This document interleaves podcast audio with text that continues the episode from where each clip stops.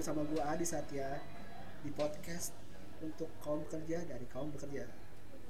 Kali ini gua nggak sendirian karena minggu lalu kan udah ditemani sama beberapa temen gua yang ya masih di lingkungan kerja gua lah. Sekarang gua bener-bener datengin temen dan bisa dibilang tuh sobi gua dari zaman dahulu kala sempat berjuang bersama di sebuah majalah yang bernama itulah ya dan buat episode kali ini kayak kita mau bahas lebih ke uh, apa ya uh, lebih ke bermain di luar zona nyaman lo sebagai seorang bekerja sih. Karena banyak dari kita terutama lo yang mungkin udah kerja di uh, satu perusahaan dengan cukup lama masih kayak ragu buat uh, memilih uh, untuk keluar dan mencari tantangan baru. Nah ini kayak temen gue salah satunya yang menurut gue udah berhasil uh, keluar dari zona nyamannya dan menemukan passion barunya di luar zona nyaman tersebut.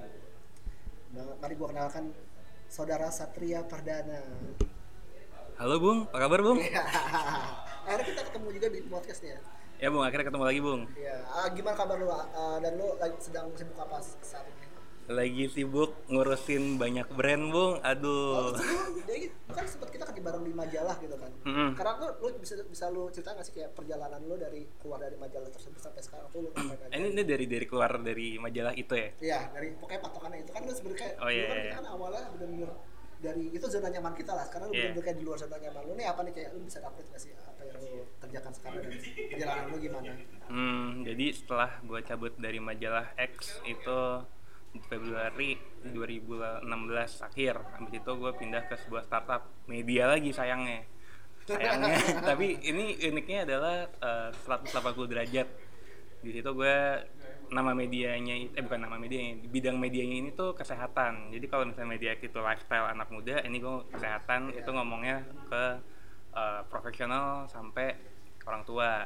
Nah di situ gue eh, startupnya baru banget. Jadi karyawannya dikit kayak kalau di ini kebetulan internasional bung. Ya, global lah global. Balang. itu udah ada saat itu udah ada eh, tiga negara yang yang udah aktif. Terus gue yang di Indonesia. Saat itu timnya cuma berempat. Jadi ada gue ada bos gue yang sebelumnya yang sebenarnya bosnya gue ini yang Indonya tuh dulu anak Anak majalah di itu majalah juga. itu, anak di majalah itu. Dan apa eh, kedekatan gue sama dia ya cukup lumayan saat itu. Karena nyokapnya adalah dosen gue terus ada satu lagi temen gue juga. Terus satunya lagi tuh eh, apa namanya kayak brand manajernya gitu. Dia orang Jerman. Nah, dia gue di sana cuma tiga bulan karena probation. Jadi kayak tadinya tuh media ini mau dibikin kayak lifestyle gitu. Lifestyle kesehatan. Tapi akhirnya di tengah jalan di dua bulan pertama di bulan ketiga gue kerja di situ dia mau dibikin serius. Jadi mau arahnya seperti WebMD. Jadi kalau lo belum tahu WebMD itu web eh, website kesehatan di Amerika yang udah sangat dipercaya dan referensi banyak media di dunia tuh larinya ke sana kalau nyari informasi tentang kesehatan. Tapi lu kan kayak dulu dari dari majalah remaja bisa dibilangnya majalah remaja yang gaya hidupnya ya udah sembarangan itu lah. Sedangkan lu eh, sempet di eh, media kesehatan tuh kayak merasa awkward sih kayak Awkward ya, banget. kayak itu sebuah pergeseran yang sangat signifikan sih menurut gue. itu awkward banget karena akhirnya yang biasanya gue kalau dulu dulu kita ke kantin minumnya aneh-aneh ya di sana gue tiap hari minumnya air putih air putih ya? air putih sama apa? air apa tuh? Infus water. Iya terus udah udah gitu kalau misalnya mau gaul dikit gitu kadang bosnya sih ngajakin buat makan fancy Oh, fancy. Itu. Nah jadi jadi kalau misalnya lanjut dari media kesehatan itu gue cuma tiga bulan. Habis itu gue eh, cabut.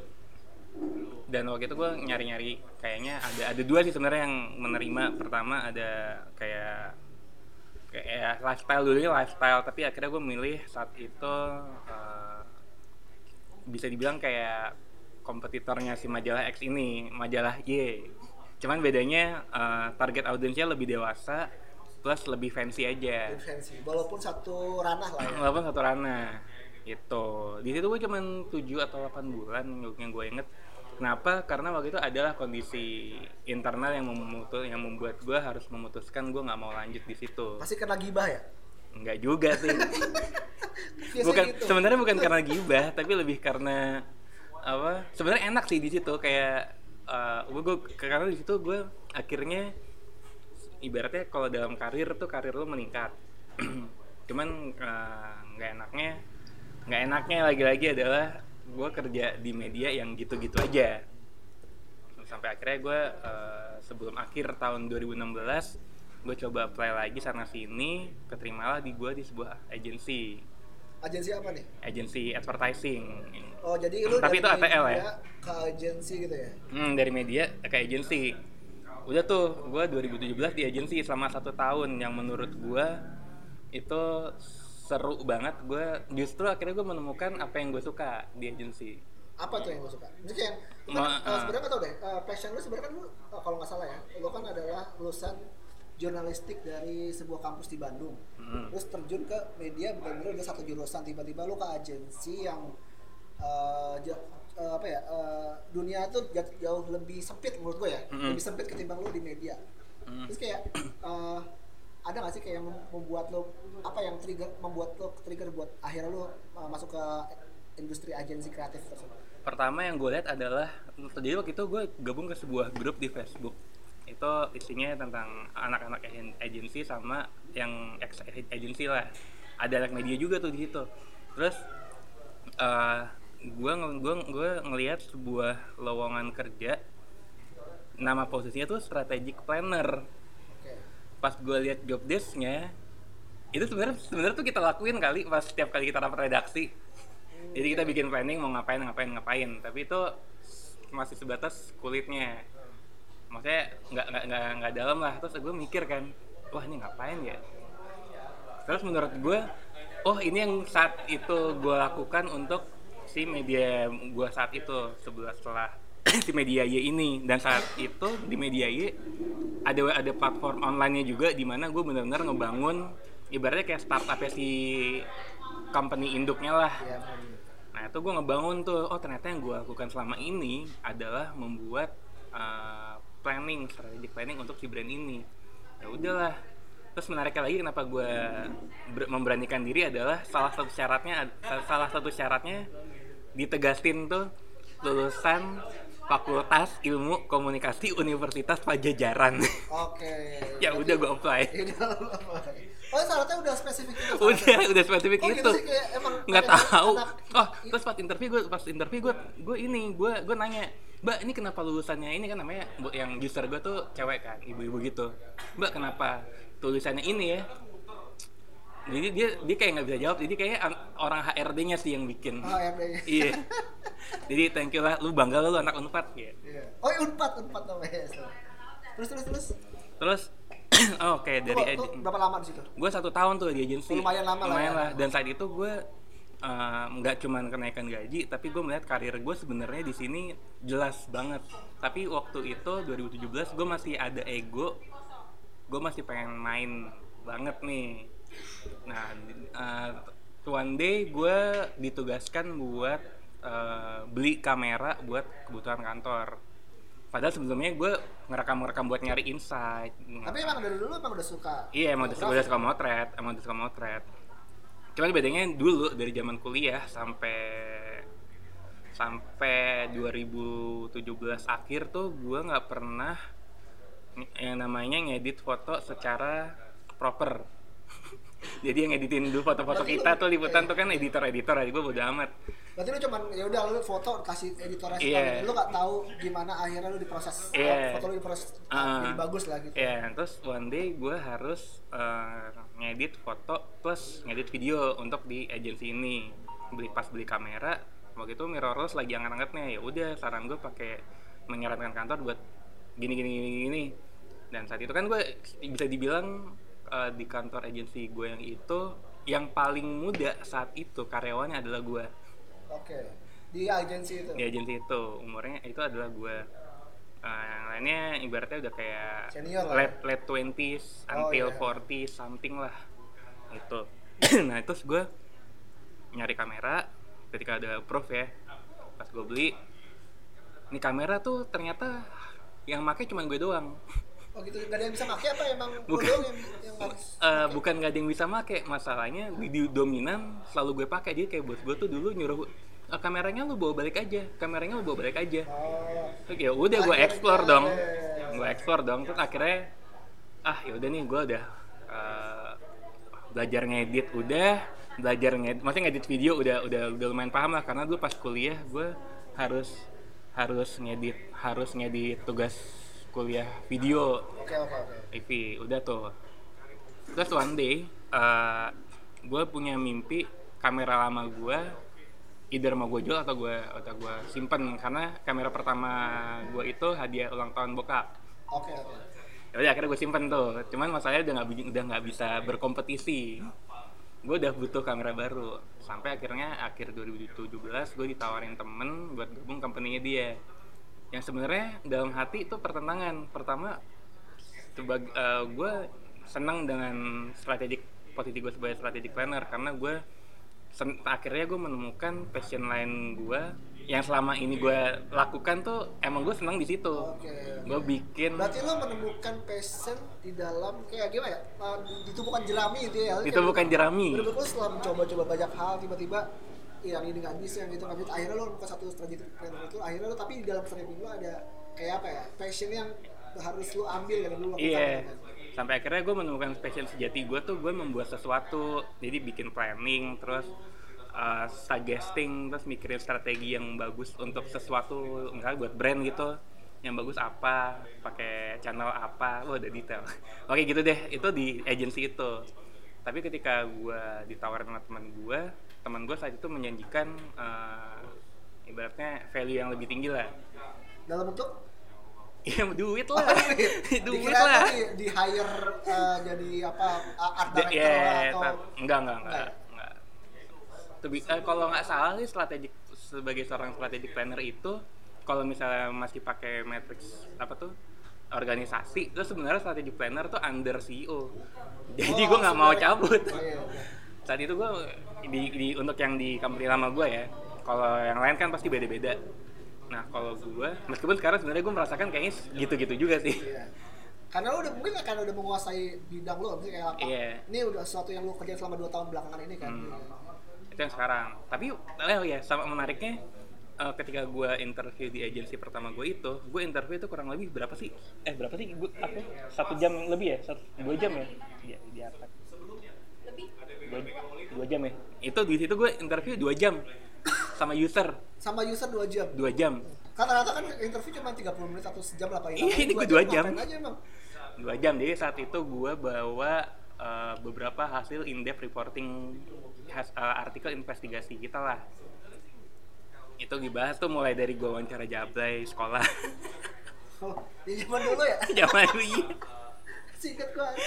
terus wawancara kalau, uh, backgroundnya adalah dulu kita di media itu kan kita melakukan banyak banget reporting ya nggak cuma di musik nggak cuma di uh, dunia entertainment tapi juga menyasar ke uh, hal-hal yang related dengan uh, apa para remaja lah masa masa masa masa kini gitu kan mulai dari narkoba mulai dari apa Narkoba. uh, seks bebas itu bener kita bener kayak kita dalemi dan kita bener-bener ketemu narasumber yang bener-bener melakukan hal tersebut gitu kan dan lo menjadikan uh, reporting lo zaman dulu tuh sebagai sebagai acuan lo buat gue buat pas lamar. interview ngamar. Karena ternyata salah satu syaratnya itu eh, secara spesifik harus bisa meriset sesuatu. Dan saat itu kan tugas kita sebenarnya jatuhnya riset-riset juga kan Iya, jatuhnya jadi riset. wartawan. Riset dan reporting gitu ya riset dan reporting dan itu gue gue ceritain dan itu panjang banget. Jadi user gue benar-benar nanya sampai kok lu bisa sih dapetin eh, anak SMA yang yang menjual dirinya dia terus kayak terus waktu itu kan kalau salah gue juga interview pengedar. Pengedar apa? pengedar narkoba. Oh, iya. itu gue sama teman gue satu lagi namanya Eko. Itu Eko- inget E- Eko Eko, Nugroho. Nugroho. Iya. Eko Eko Wakbau Ya, itu itu pengalaman yang cukup menegangkan karena yang dibayangin kita berdua pengedar narkoba tuh suka bawa pistol. Oh iya.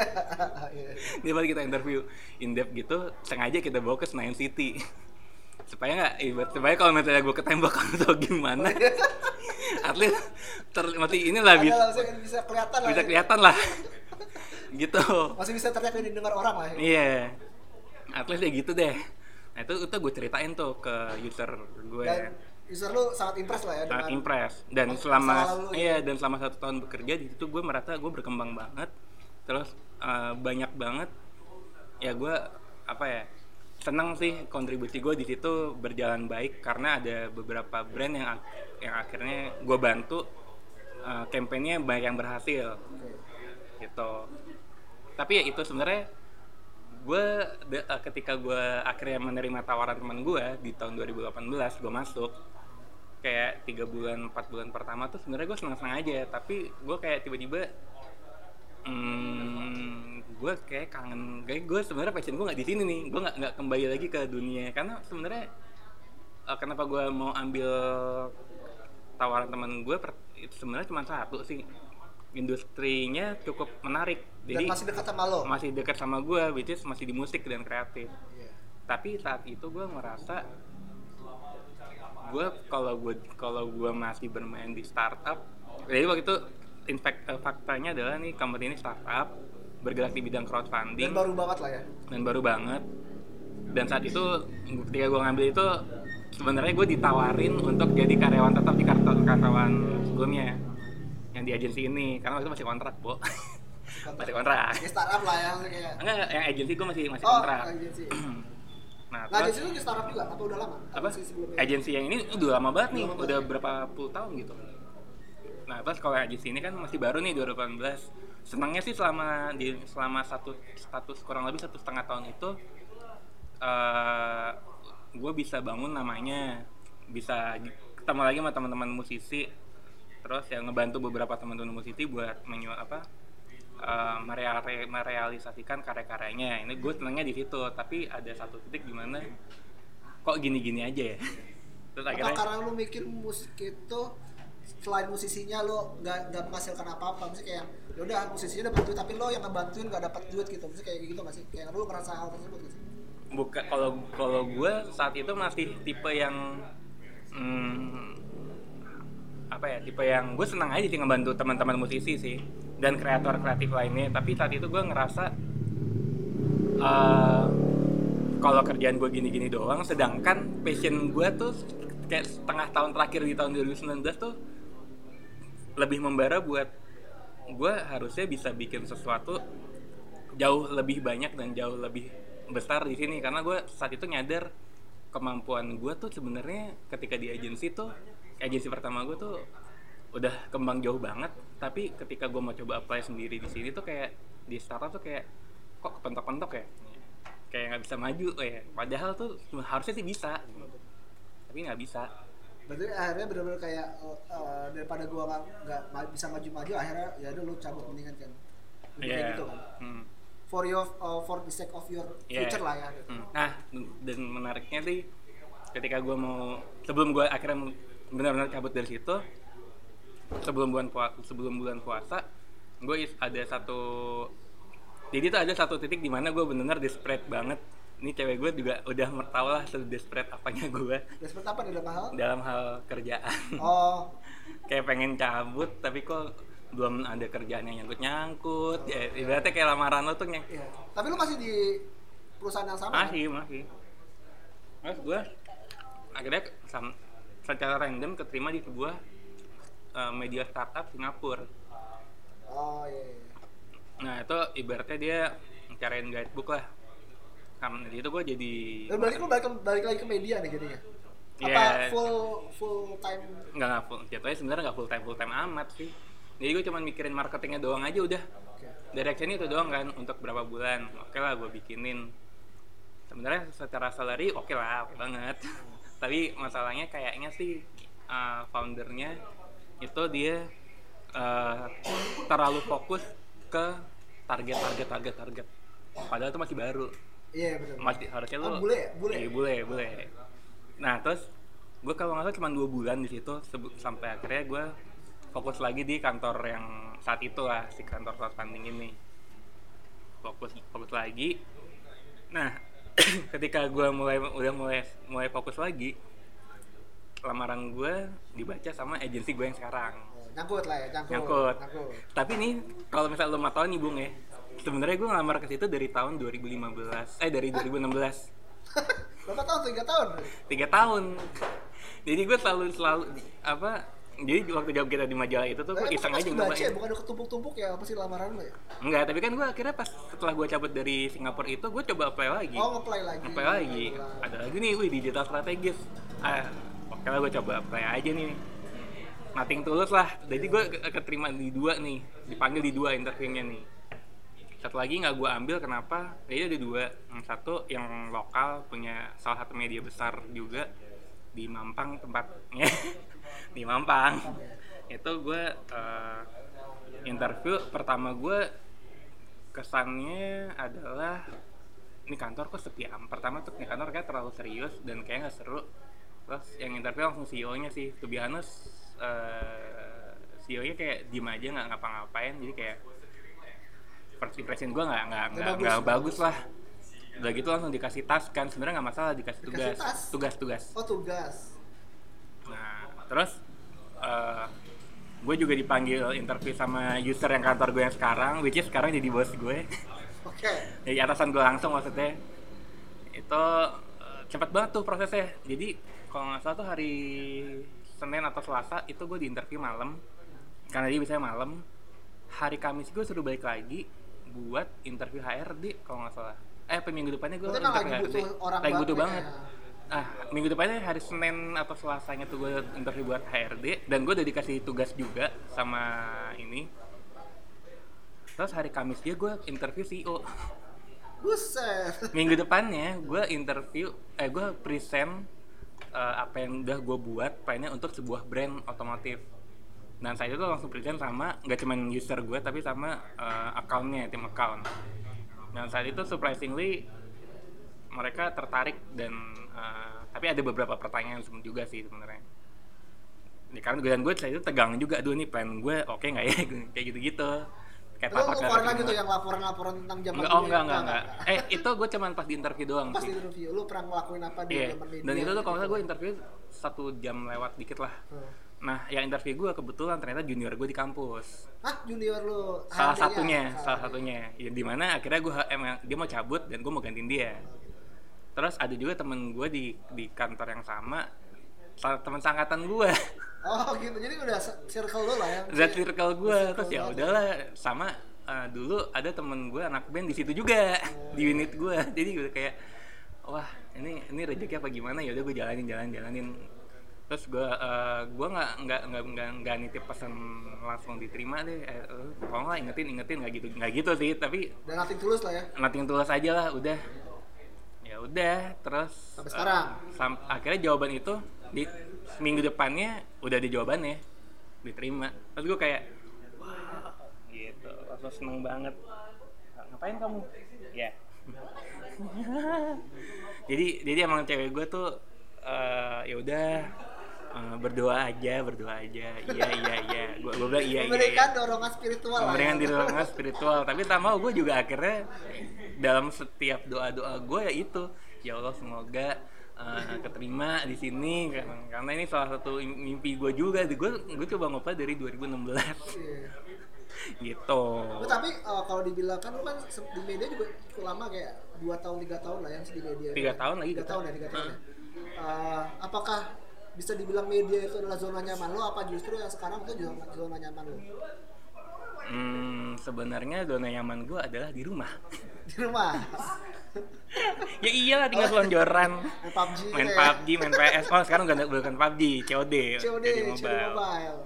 tapi zona nyaman gue sebenarnya hmm, saat itu sebenarnya zona nyaman terbentuk ketika lu udah nyaman banget di tempat yang sama tempat yang sama selama bertahun-tahun selama bertahun-tahun tapi tanpa lo eh, bukan tanpa pro- bukan tanpa progres tapi eh, ketika lo merasa, wih udahlah gue gini aja lah nyantai lah orangnya gini kerjanya juga gini gini gini doang. Tapi ketika gue mencoba di agensi gue yang pertama, itu gue emang gak merasa belum merasa ini di zona nyaman zona nyaman karena itu masih baru cuma setahun kan. Tapi gue ngerasa gue bisa ngeliat visi gue ke depan tuh bisa ngapain aja. Iya. Sama kayak di sini yang sekarang. Sekarang tuh gue ngeliat ke depannya gue bisa ngapain aja dan gue ya gue tahu sih setiap eh, kerjaan punya tantangannya sendiri jadi gue nggak akan bosan mungkin kalau akhirnya pada akhirnya di zona nyaman adalah ketika kita tua.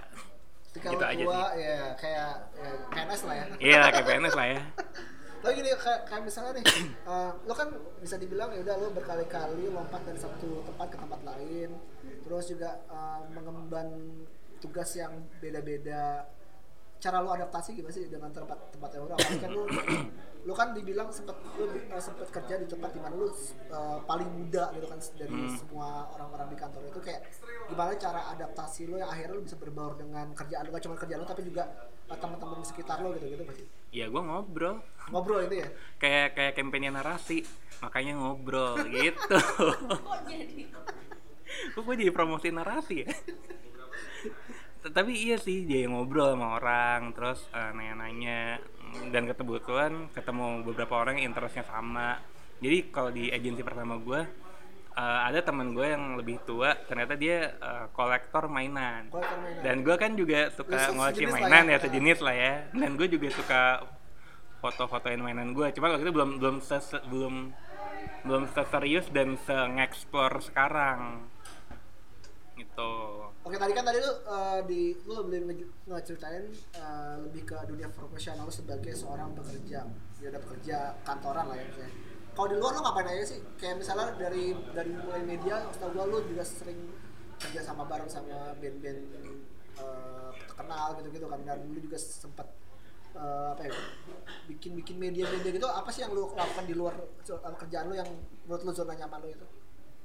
Hmm, zona nyaman gue kalau di luar itu gue masih suka ngeksplor ngeksplor sesuatu sih jadi gue sempat bikin uh, media kecil community media itu yang apa ya yang saat ini masih ada sih masih jalan cuman kayak nggak gue nggak gue kayaknya mungkin akan gue tinggalkan karena gue kayak terlalu apa harus fokus di kerjaan gue yang sekarang Gitu. Full time lah itu. Eh, harus harus benar-benar fokus di situ Emang kenapa kalau di media itu emang eh, emang gak ada progresnya atau justru udah udah lu stuck di situ aja? Progresif Apalagi kan ini kan progresif media yang lu bangun sendiri. Iya ini gue bangun sendiri dan ini kayak kayak ke kayak ngebangunnya kayak dari hobi gue gitu. Ah. Cuman gue bukan merasa ini stuck atau gimana, tapi kayaknya gue harus uh, ngelepas karena kerjaan utama gue memfo- harus membuat gue fokus di situ sih. Karena kema kayak kema- lebih fokus ketimbang di agensi pertama. Kenapa pertama? Gue baru nyadar gue baru nyadar nih. Uh, jadi tim gue kan ada lagi ada ada ada atasan gue langsung gue dan ada dua lagi anak baru nih. Dan gue harus membimbing mereka itu tugas gue Lalu ada ada tanggung jawab ada ya. tanggung jawab. Kedua eh, bagian tim yang lain kayak tim account tim kreatif itu butuh banyak input dan butuh banyak bantuan dari gue terus saat ini di luar kalau di- kalau di luar kerjaan kantor gue udah harus mikir kemudian gue harus harus udah mulai membagi lebih banyak membagi waktu dengan keluarga terus dan plannya sih pengen kawin tahun depan jadi gue Oh, kayak oke. harus fokus ke situ aja Ya, udah berarti kayak lu udah satu tujuan lah, satu satu satu direction lah ya. iya udah punya satu direction gitu Tapi lu lu juga kan eh, sekarang juga nggak cuman kerja tapi juga fokus ke dunia fotografi lo yang yang lu bilang lu lu geluti sejak lu pindah ke agensi yang pertama itu kan. Mm. Lu gimana tuh sekarang tuh eh, apakah itu zona nyaman lu juga kah? Atau justru cuma jadi ah iya aja? kalau foto sebenarnya jatuhnya jadi zona nyaman gue juga. Oke. sebenarnya gue main fotografi itu atau gue tertarik di ke terjun ke dunia fotografi dari SMP dari SMP cuman gue waktu itu masih belum punya duit buat beli kamera sendiri. Sampai akhirnya gue waktu kakak gue mau nikah itu ada ada ada adiknya suami kakak gue itu yang suka foto dan ada lagi saudara gue juga yang suka ngeband. Jadi one day uh, minta tolong fotoin pakai kameranya dia terus gue foto-foto band tuh. Ya akhirnya waktu itu zamannya MySpace kan masih MySpace, Iya, bener bener bener. foto itu muncul di Oh, MySpace iya. dan cukup tiba-tiba one day salah satu foto gue jadi drummer ini anak kecil di mana yang lainnya kayak umurnya 20-an gitu. Drummernya tuh kayak masih 14 tahun eh nggak masih SD kalau nggak salah. Berapa sih 13 tahun ya SD 12 13 tahun lah nah one day tuh dia ma- eh, kayak 2 3 tahun kemudian tuh dia main muncul di TV dan ketika muncul di TV banyak orang googling. Foto gue muncul di Google. ya. Jadi gue kayak wah gila gokil keren banget nih. Cuma itu kalau nggak salah masih SMA tingkat akhir. Jadi eh, pas SMA gue udah mulai coba-coba pinjam kamera temen nyobain foto-foto foto pas kuliah ada ada mata kuliah fotografi. Nah di situ gue belajar fotografi pas zaman kuliah semester 1 dan uniknya ketika yang lain pada beli DSLR yang gue beli kamera Lomo. Kamera Lomo. Itu- iya kamera Lomo. Itu gue random banget ya gue beli kamera Lomo.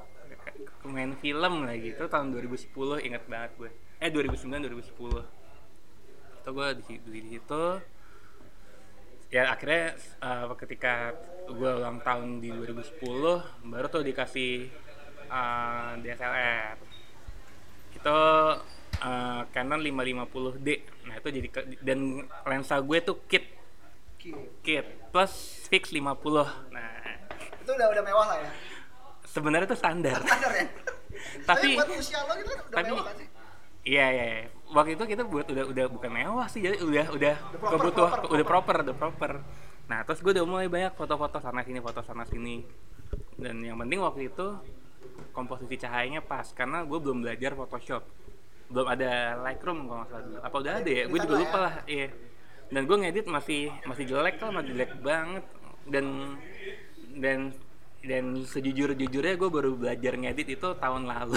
Tahun lalu. secara lebih proper ya jadi nggak kalau kalau dulu kan yang penting ada apa sih preset presetnya dari aplikasi yang udah ada. Terus gue kayak merasa nggak menyenangkan aja. Terus akhirnya gue baru benar-benar belajar banget ya tahun lalu sih belajar ngedit foto.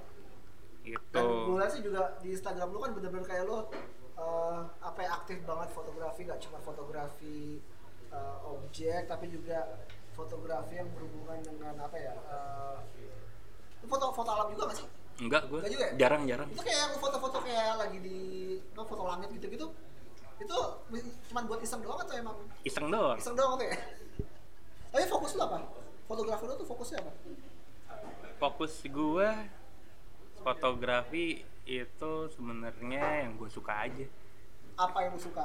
Lu capture? gue suka uh, membuat sesuatu suka sebenarnya gue belajar dari Om Firdaus Fadlil dan eh Mas Budi apa sih ini? Nama Budi Ismail. Ismail.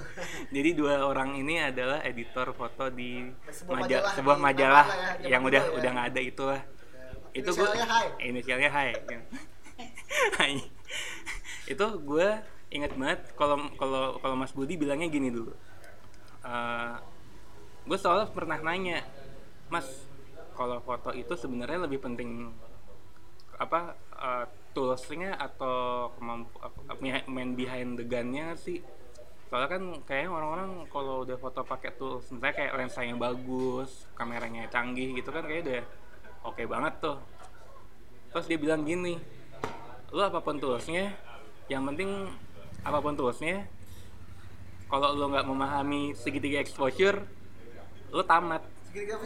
Segitiga exposure tuh sesimpel uh, sesimpel ISO. Lu menguasai ISO diafragma sama shutter speed. Itu Oh, sebenarnya ya itu aja. Dia wak- waktu itu dia bilangnya gitu. Nah terus gue mikir kan oh, gue coba-coba belajar lagi nih ngulik lagi nih. Dan gue nggak pernah masuk kelas atau workshop basic fotografi sebelum tahun lalu.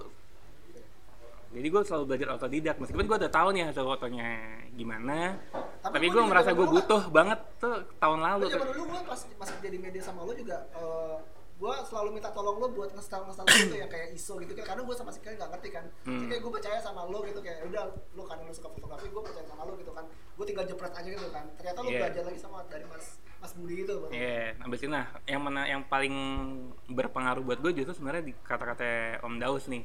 Om Daus waktu itu bilang gini, lo foto sebanyak banyaknya, masa dari banyak foto nggak ada foto yang bagus? oh gitu iya.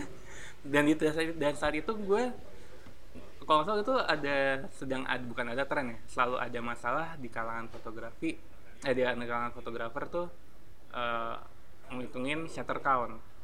Shutter count-nya kamera ini kan cuma segini atau misalnya pokoknya berhubungan dengan shut- shutter count-nya gue nggak begitu paham teknisnya. Saat itu gue bodo amat orang di saat orang lain fotonya single shoot nah gue burst. Berse. gue ngeburst. Gue bodo amat eh udah full nih SD card gue gue ganti aja. Dan saat itu kalau nggak salah waktu awal-awal kita masih kerja di situ gue masih belum mikirin emang penting banyak dulu deh. Terus one day uh, kalau ngobrol-ngobrol sama Om Dos Om Dos bilang lu foto yang banyak tapi nggak gini juga nggak gini juga. Maksudnya Asal. yang gitu-gitu doang. Oh, iya. lu harus coba belajar memotret di saat fotografer yang lain ngambil titik yang sama dan kalau bisa lu ngambil momen. Oh dan waktu itu Mas Budi juga bilangnya lu fotografi coba ambil yang momen deh supaya waktu itu apa kalau yang di majalah gitu di Hai itu kalau Eh, musai, musai. musai musik Hai nah gue waktu itu salah satu impian gue adalah masuk ke situ Oke. Dan udah terlaksana. dan sudah terlaksana dua kali apa tuh foto apa? Eh, foto pertama itu Midnight Quickie yang waktu masih bertiga di sebuah pensi gue lupa pensi apaan itu gue foto gue naik ke atas panggung gue lari gue fotoin mereka lagi eh, berfoto sama penonton yang ada di belakang itu gue ngambil momennya dan saat itu gue sadar itu gelap banget tapi masuk Masuk. kedua eh, di pensinya Alsis 2015 tuh kalau nggak salah Apa tuh? itu gue fotoin Kunto Aji ngajakin eh, kayak ngasih bunga ke penontonnya yang gue- diajak Gue inget, gue nah inget, gue inget. Yang di Ciledug bukan sih? Apa? Yang di Ciledug, gue Ciledug. bukan Oh, gila ya? itu, itu BSD Kayak gue pernah lihat foto. kagak kagak itu gue apaan ya kayak pensi juga, pensi sama majalah kita itu. lupa gue pokoknya itu ada foto foto itu menurut gue menarik. Pak dan yang gue dan barusan gue inget kalau yang ngambil di situ dengan posisi di situ saat itu cuman gue dan Oh. yang memotret itu cuman dikit. Oke. gitu. Dan akhirnya setelah uh, cabut dari majalah itu gue ketika gue memotret gue selalu motret momen-momen momen-momen jadi di saat semua fotografer terlalu banyak uh, Fokus ke satu titik fokus gitu satu titik dan memotret gue udah wira-wiri aja nyari. Enaknya foto di mana lagi ya foto di mana lagi ya. Nah saat itu gue inget banget ada salah satu teman gue anak info pensi Akbar Akbar Mus dia tuh foto yang awalnya kayak gitu lama-lama mulai ngeksplor sana ngeksplor sini ngeksplor sana ngeksplor sini. Sampai akhirnya sekarang dia jadi fotografer terbaik lah di salah satu yang terbaik di Indonesia dan dia fotografer officialnya Ran Si Akbar, itu. Akbar Tapi kalau dibuat eh, fotografer selef atau gimana? Se selevel lo intinya lah. Eh, ngasihin duit gak sih sebenarnya apa? Kan lu sebenarnya juga bukan profesional fotografer juga cuma kayak Iya. foto eh, as eh, hobi aja gitu kan. Ngasihin duit gak sih? Apa lu pernah? Ya pernah enggak lah. Enggak ya? lu foto buat hobi ya nggak ada duitnya lah tapi itu apa ya oh gue gue pernah foto. Ini kan sebenarnya fokus sebenarnya gue tuh yang gue foto adalah portrait. Portrait itu bisa cewek bisa cowok. Eh, musik musik fotografi. Musik fotografi ini eh, maksudnya nggak cuman di nggak cuma stage foto nggak cuma foto panggung nggak cuma backstage aja tapi foto apa ya kayak apa yang hal-hal unik atau menarik yang biasanya dilakukan di luar panggung juga gitu. Terus gue foto mainan tapi gue emang lebih banyak memotret mainan karena Objek mati lah ya. objek mati. Tapi objek mati gue bikin hidup. Oke.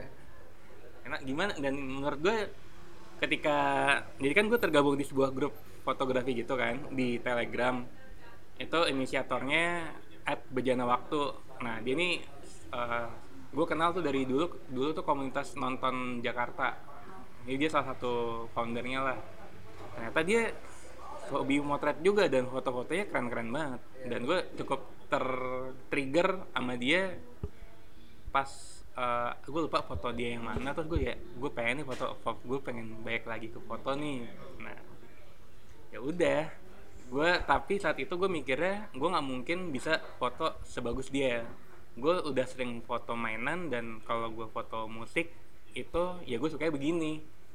Dan akhirnya one day gue tetap fokus aja dengan uh, gaya gue gue nggak mungkin bisa ngikutin yang lain gue jadi diri gue sendiri aja udah one day gue foto Kunci bertahan itu lah. kunci bertahan Jadi diri sendiri lah. jadi ya. diri sendiri aja udah orang lain pasti juga ngomong jadilah diri sendiri ya emang gitu Emang gitu emang.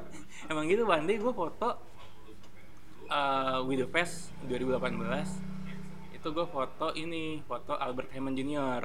Eh tadi tadi tadi sih gue baru baru ngeposting juga sih. Nah, Posting ulang? posting ulang tapi dengan editan yang sama. Dan fotonya agak beda jelas lebih jelas. Dan dia nge-likes Oh, itu apresiasi kayak itu apresiasi gue nggak dibayar juga tapi kayak lu udah puas lah dengan puas si banget. Albert. itu gue puas banget. Dan dan waktu video fest 2018 ketika gue foto dia di di saat semua fotografer atau atau eh, fotografer yang lain termasuk fotografer official acara itu uh, memposting fotonya dia gue sempat banget kepoin si Albert Hammond ini kan. Dia itu eh waktu gue ngepost di story, Instagram stories gue gue mention dia.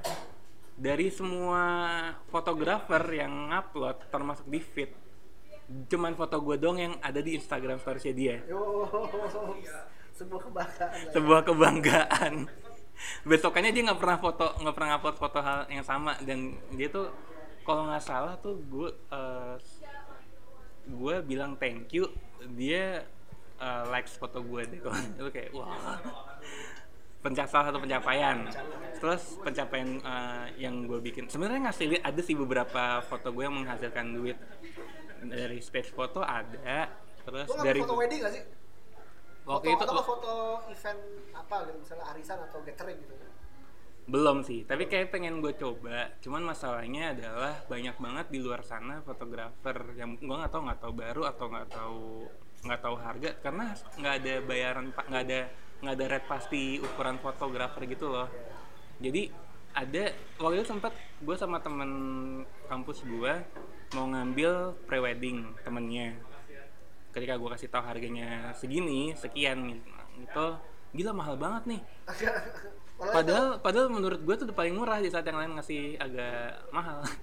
Terus ya kali dia tuh mau bayar kita ibaratnya kayak cuman bayarin bensin sama bayarin nyetak foto. Udah sama frame. Nah terus bagian jasa kita mana? Ya gue realistis aja lah. Gitu. Sama sama ada beberapa uh, Brand. uh, band band dan brand sih. Gue waktu itu ngerjain salah satu profil band yang sekarang udah ganti nama itu apa? Ya, lumayan lah. ya ada lah pokoknya. Ada. itu udah inilah ya lumayan lah.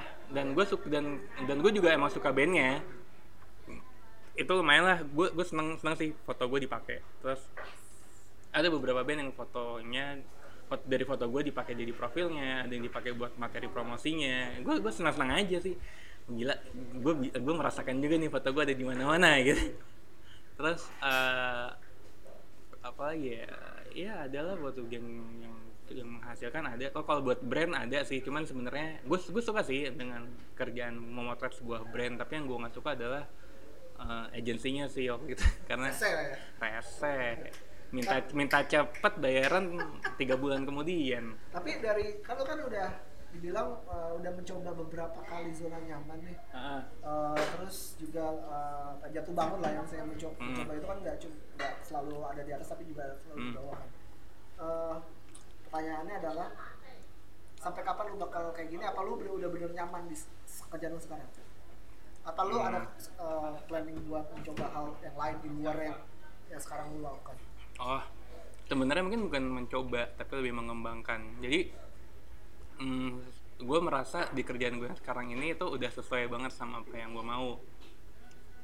Dan apa ya dan gue udah tahu dan gue udah apa kayak jenjang karirnya lebih jelas lah. Gue udah bayangan gue jauh lebih jelas lah. Dan dan du- dari dulu tuh gue nggak tahu kenapa tiap kali ada hal baik atau hal buruk itu kayak feeling gue gue punya feeling gitu Bakal uh, this gonna, gonna work lah ya gitu. ah it's gonna work or it won't work. Yeah.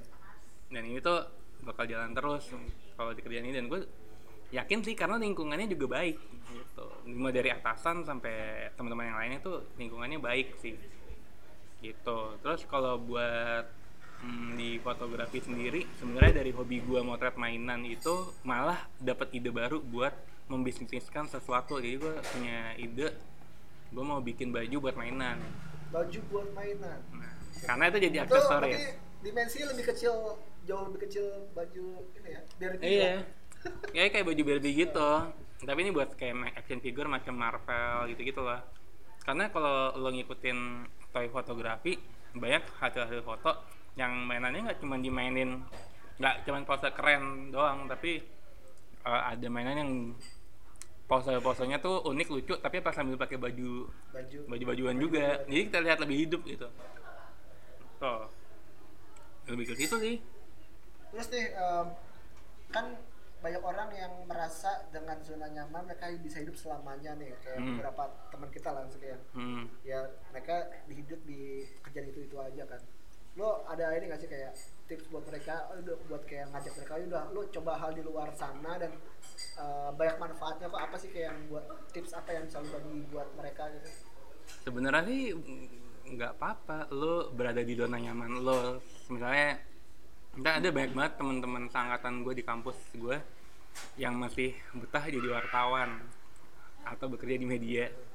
Menurut gue nggak apa-apa sih nggak masalah lo asal lo apa ya asal lo bisa membuat planning aja di luar itu lo mau ngapain sih? Misalnya kerjaan utama lo sebagai wa- wartawan atau bekerja di sebuah media tapi kalau di luar itu misalnya lo punya bisnis restoran. Iya benar-benar jadi once lo pensiun atau misalnya lo sakit atau apa atau misalnya lo misalnya aduh jangan sampai sih jangan sampai misalnya medianya Tutup, tutup, tutup. gitu jangan sampai ya nih ya udah beberapa media sih. Ya ada beberapa media udah Ya, tutup. Ya. misalnya medianya tutup gitu. Nah, terus lu punya backingan.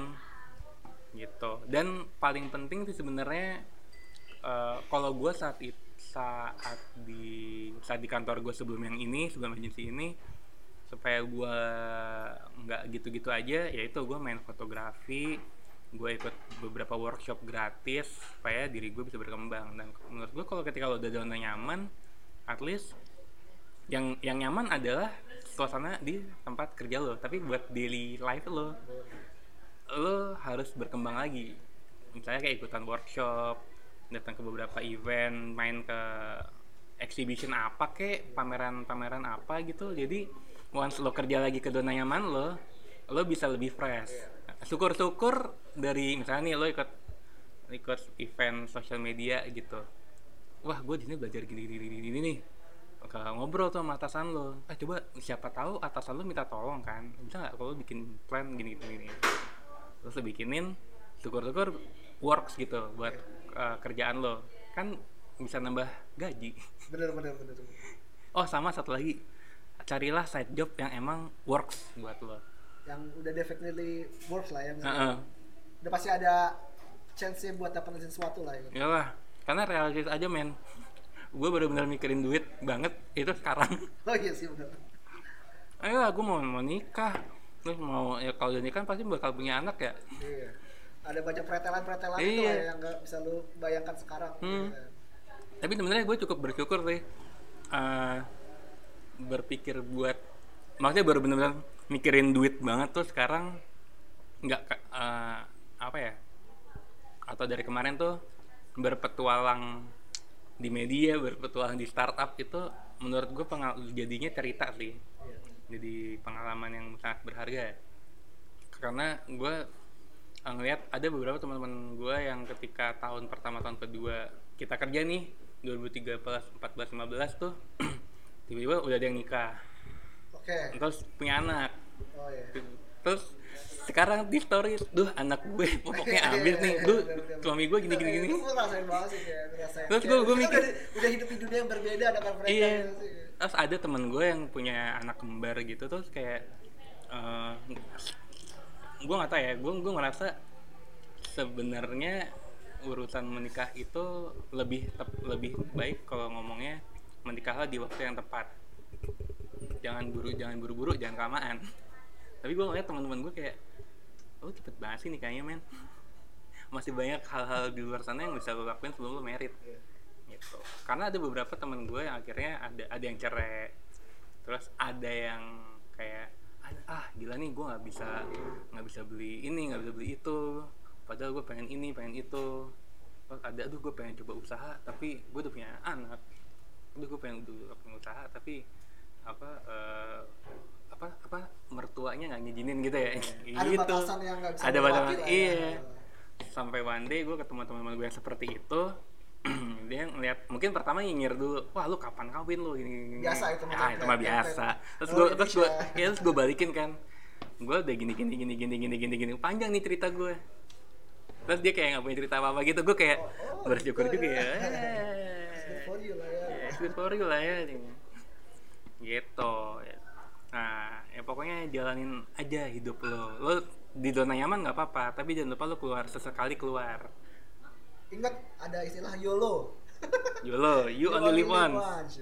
Pokoknya, gitu deh ceritanya dari Satria, menarik kan. Pokoknya intinya sih sebenarnya ya udah ketika lo masih ada zona nyaman lo, kenapa lo nggak coba keluar sedikit? Gak, nggak harus kok keluar dari dari kerjaan utama, tapi juga lo bisa uh, mencoba hal di uh, setelah pulang kantor atau justru pas lagi libur yang mungkin lo punya ada passion yang lain, kenapa enggak lo kerja lo seriusin gitu kan? Pokoknya sampai di sini dulu uh, podcast biar amat episode uh, keluar dari zona nyaman. Kita ketemu lagi di episode-episode yang akan datang. See you.